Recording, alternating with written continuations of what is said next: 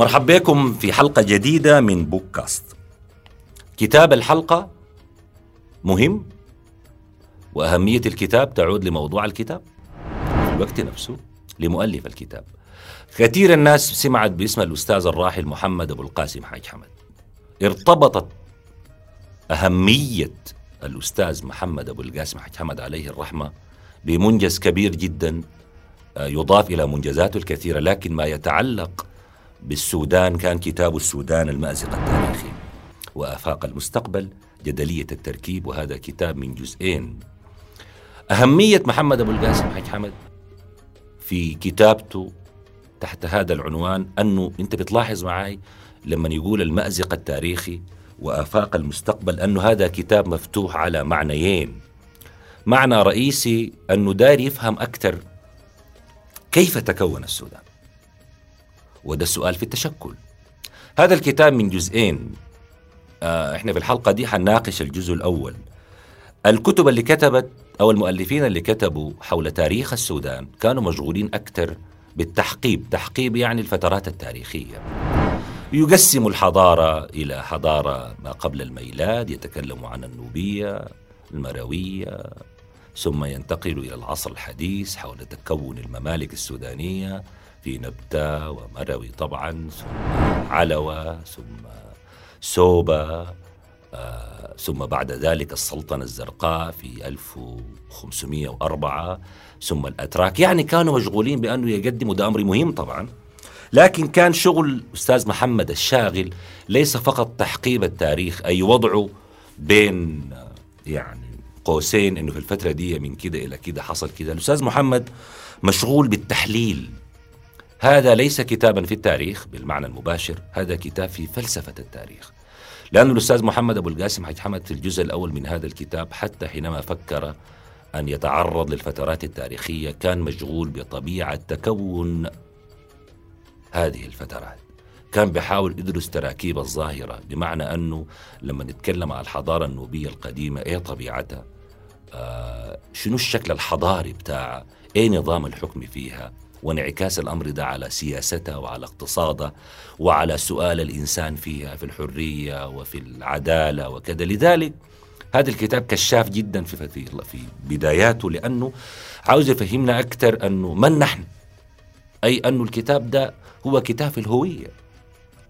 في الجزء الأول تتبع الأستاذ محمد أبو القاسم حاج حمد وهو كتاب كبير في المجلد الأول آه الممالك التي قامت في السودان. وكان أكثر تركيز في لحظة الاستعمار كيف كان السودان حينما سقطت آخر قطرة دم من شهدائنا في وبدأنا لحظة جديدة آه مع الاستعمار الثنائي الإنجليزي المصري. من أهميات أو من النتائج المهمة اللي وصل لها الأستاذ محمد حاج حمد أنه درس تكون الفاعل الاجتماعي يعني النخبة السودانية دي كيف تشكلت إيه مصادر تكوينها كيف اتبنى وعيها كان بتتغذى على شنو في محاولة فهمها لدورها وأدوار الآخرين. هذا الكتاب أيضا بيكشف لك عن الخارطة الاجتماعية للمجتمع السوداني الإدارة الأهلية وأدوارها القبلية العرقية الطائفية. فإحنا قدام خريطة مكثفة الملامح يعني والحضور. عشان تشرح لنا أكثر أنه كيف تكون هذا السودان من الأساس. فالعدة المناهجية اللي اشتغل بها الأستاذ محمد كانت متنوعة ومتعددة مش بس المنهج التاريخي زي ما قلنا إنما هذا منهج فلسفي نقدي تحليلي لغوي معياري قياسي تجد عدة يعني عدة كثيرة جدا من المناهج. اشتغل بها الأستاذ محمد أبو القاسم حاج حمد. في في كلامه عن مصادر وعي النخبة أنا أفتكر أنه بعد كتاب الأستاذ أحمد خير كفاح جيل ما أظن نقع على كتاب كان شديد الحساسية تجاه محاولة تلمس كيف تشكلت النخبة السودانية التي أدارت الشأن السياسي وأدارت الظاهرة الاجتماعية كلها لما بدت في أنديتها الثقافية. وكانوا كلهم خريجي كلية غردون زي ما بيوصف الأستاذ محمد أنها كانت مدرسة تجهيزية بمعنى أن كانت مدرسة تجهز الموظفين ليملأوا الدرجة الثالثة من الوظائف. يعني الاستعمار لما جاء آه الإنجليز كانوا يتولوا المناصب العليا بما فيها الحاكم العام طبعا والمفتشين ثم يساعدوهم المصريين وكان بيفكر الاستعمار من اللحظة ديك أنه هو شيئا فشيئا عاوز يتخلص من الوجود المصري خوفا من التأثير الثقافي على السودانيين والذي ممكن يكون بالنسبة له مهدد. وبالتالي خريجي كلية غردون أو مدرسة غردون أو التجهيزية بتاعة غردون استشعروا زي ما قال الأستاذ محمد بنقص ما في التعليم لأنه كانت المناهج فقط دار تخرجهم يعني آه، كتبة ومحاسبين ومترجمين يعني وظائف أو أشغال ذات طبيعة وظائفية بس عشان يدوروا دولاب الدولة. لكن القراءة في التاريخ والقراءة في في العلوم الإنسانية كانت غايبة. وبالتالي هم لما استشعروا النقص ده زي ما بيقول الأستاذ محمد هرعوا مباشرة أنه يستكملوه بأنهم أنشأوا آه، حواضن ثقافية جديدة تسمى المنتديات الأدبية ودي كان بيتداولوا فيها الكتب مناقشة الكتب.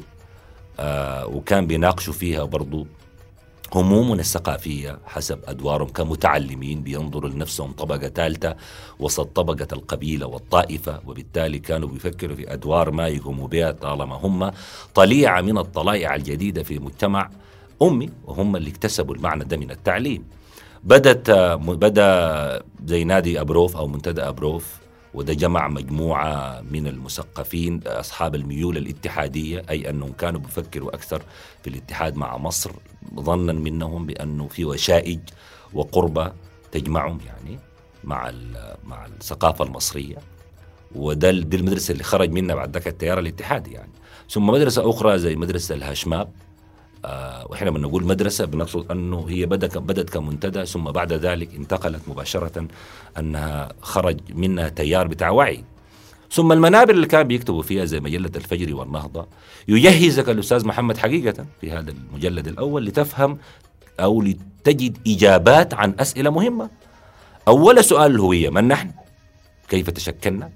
ما طبيعة المكونات الاجتماعية الموجودة في الجغرافيا السودانية دي. بل أبعد من ذلك محمد أبو القاسم حج حمد في هذا الكتاب كان يفكر في عبقرية المكان بحسب العبارة يعني ويتكلم على أن هذا السودان يحتوي ولا يحتوى أي أنه ده بلد كبير جمعت داخله أمشاج من أعراق وثقافات وده سؤال التنوع الثقافي.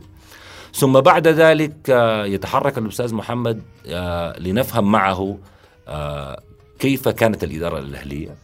كذراع من أذرع الإدارة الاستعمارية بكون المستعمرين كان بيفتكروا أنه دي إدارة رخيصة وآمنة وبالتالي ممكن توفر عنهم عناء.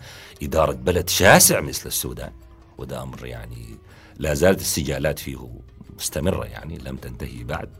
فأنا عاوز أقول المجلد الأول ده بيجيب عن سؤال هوية بيجيب عن سؤال كيف تشكلت النخبة بل بعد ذلك كمان بيجيب عن أسئلة كيف فشلت هذه النخبة. حينما رفعت العلم في واحد واحد ستة وخمسين ولعله عبارته الذهبية التي ذكرها الأستاذ محمد حينما سمى هذا الجيل بأنه هو الجيل الذي وصل منهكا إلى سرايا الحاكم العام. هذا كتاب مهم؟ في مجلده الأول خلونا في الحلقة الأولى من مجلد من من بوك كاست يعني نقول دي بعض ملامح هذا المجلد. في الحلقة الثانية نناقش أيضا بقية قضايا الأستاذ محمد في مجلد الثاني من كتاب السودان المازق التاريخي وآفاق المستقبل شكرا.